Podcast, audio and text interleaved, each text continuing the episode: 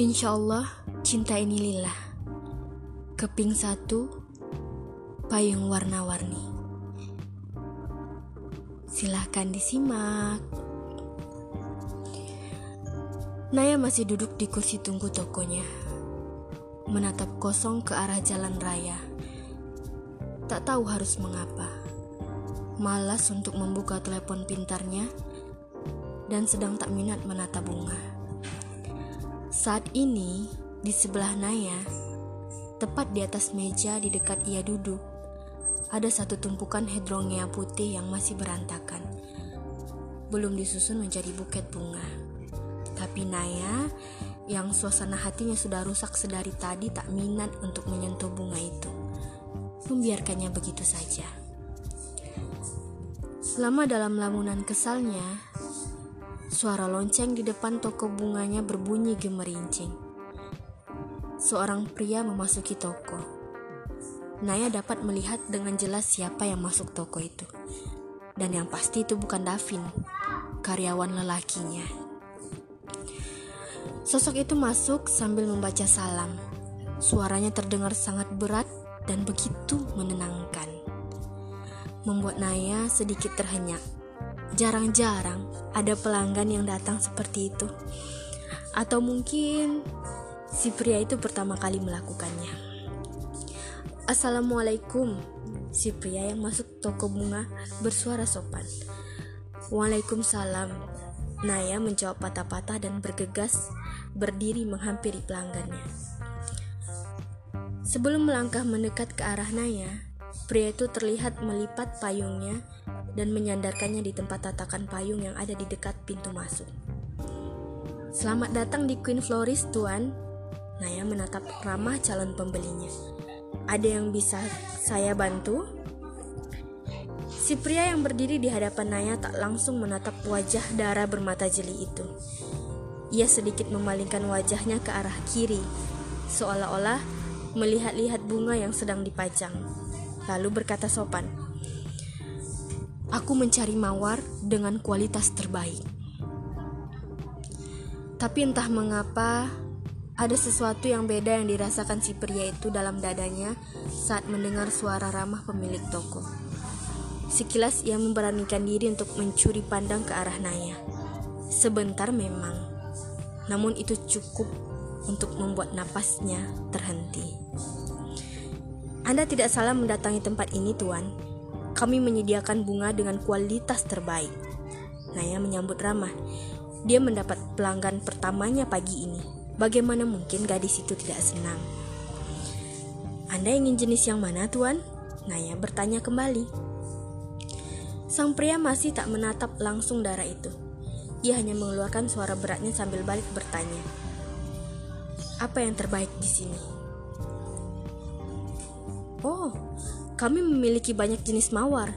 Tuan boleh melihat-lihatnya dulu, atau izinkan saya menjelaskannya sedikit jika Tuan berkenan. Naya masih berbicara dengan senang hati. Silahkan, si pria merespon cepat. Silahkan apa Tuan? Melihat-lihat bunga atau jelaskan jenisnya? Si pria memotong cepat. Oh baiklah, Naya merasa sangat gembira. Seolah pagi ini ia tak merasakan kesal sama sekali. Menjelaskan tentang mawar, ayolah, itu kesukaannya. Kami saat ini menyediakan jenis mawar putri, mawar talita, dan mawar mega putih. Ketiganya terlihat berbeda baik dari warna maupun ukuran. Jika saya boleh tahu, Tuan mencari bunga mawar untuk keperluan apa ya? Mengunjungi seseorang, si pria menjawab singkat. Kalau boleh tahu lagi, apa hubungannya dengan Tuan? Apakah orang yang sangat penting? Naya bertanya kembali. Namun kali ini si pria tak menjawab. Ia melihat Naya dengan alis bertaut, membatin dalam hatinya. Apa harus sedetail itu bertanya? Melihat tatapan itu, Naya tersadar seketika. Ia merasa sedang merecoki kehidupan pribadi seseorang. Cepat ia meminta maaf dan menjelaskan. Maaf tuan, saya tidak bermaksud untuk mengetahui tentang urusan pribadi Anda. Hanya saja, jika Anda memilih mawar, harus dipilih yang tepat.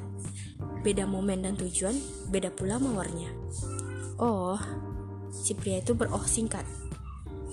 Aku mau memberikannya pada seseorang, dan itu perempuan. Mendengar itu, Naya sedikit bersemu. Pria yang di depannya kini, yang terlihat sangat irit bicara dan tampan, ternyata orang yang romantis. Sambil tersenyum, Naya kembali bersuara. Kalau begitu saya sarankan Anda untuk memberikan wanita itu mawar putri saja, Tuan. Bunga itu berwarna merah pekat, benar-benar cocok melambangkan cinta dan kasih sayang. Mendengar pernyataan Naya, si pria calon pembeli itu sedikit mematung. Ia tak menyangka, bahkan warna pun memiliki arti pada bunga. Ia pikir sembarang saja bisa. Lalu si pria kembali bersuara. Kalau begitu ambilkan itu. Langsung saya buatkan buketnya, Tuan. Hmm, si pria menjawab singkat.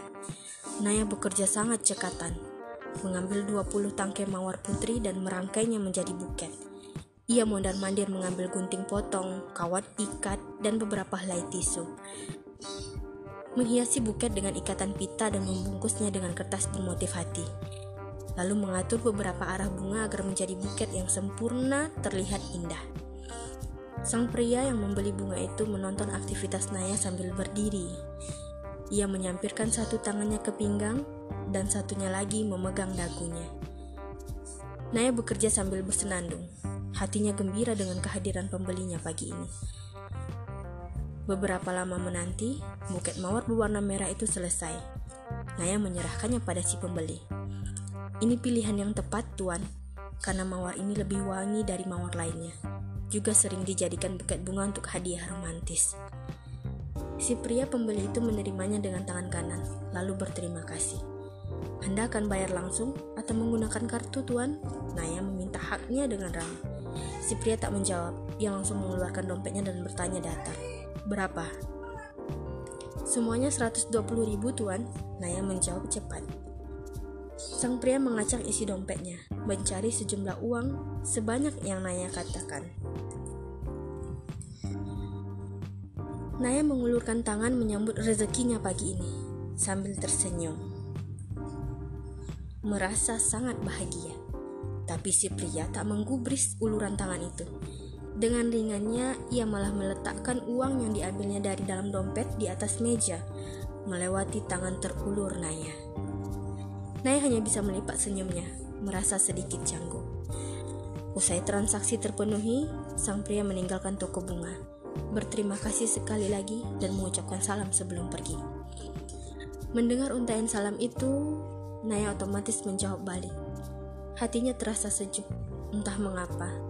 Sudah lama ia tak bertemu dengan orang-orang seperti itu. Selepas pembelinya pergi, Naya kembali ke meja tempat menata bunganya, membereskan semua alat-alat yang telah digunakannya tadi. Namun, belum sampai semua alat tertera di atas meja itu tertata dengan rapi, telepon pintar Naya berdering. Seseorang memanggilnya. Bergegas, Naya mengambil telepon pintarnya dan membaca nama di layar telepon pintar itu. Ternyata itu panggilan dari sang bunda. Ada apa pagi ini sudah nelpon, Bu? Naya menjawab sambil terus menyusun pisau, gunting, dan alat-alat lainnya. Dari seberang telepon sana, sang bunda berkata singkat, Tutup tokomu dulu, pulanglah segera. Ada apa memangnya, Bu? Apa ibu sakit mendadak lagi? Naya agak sedikit panik.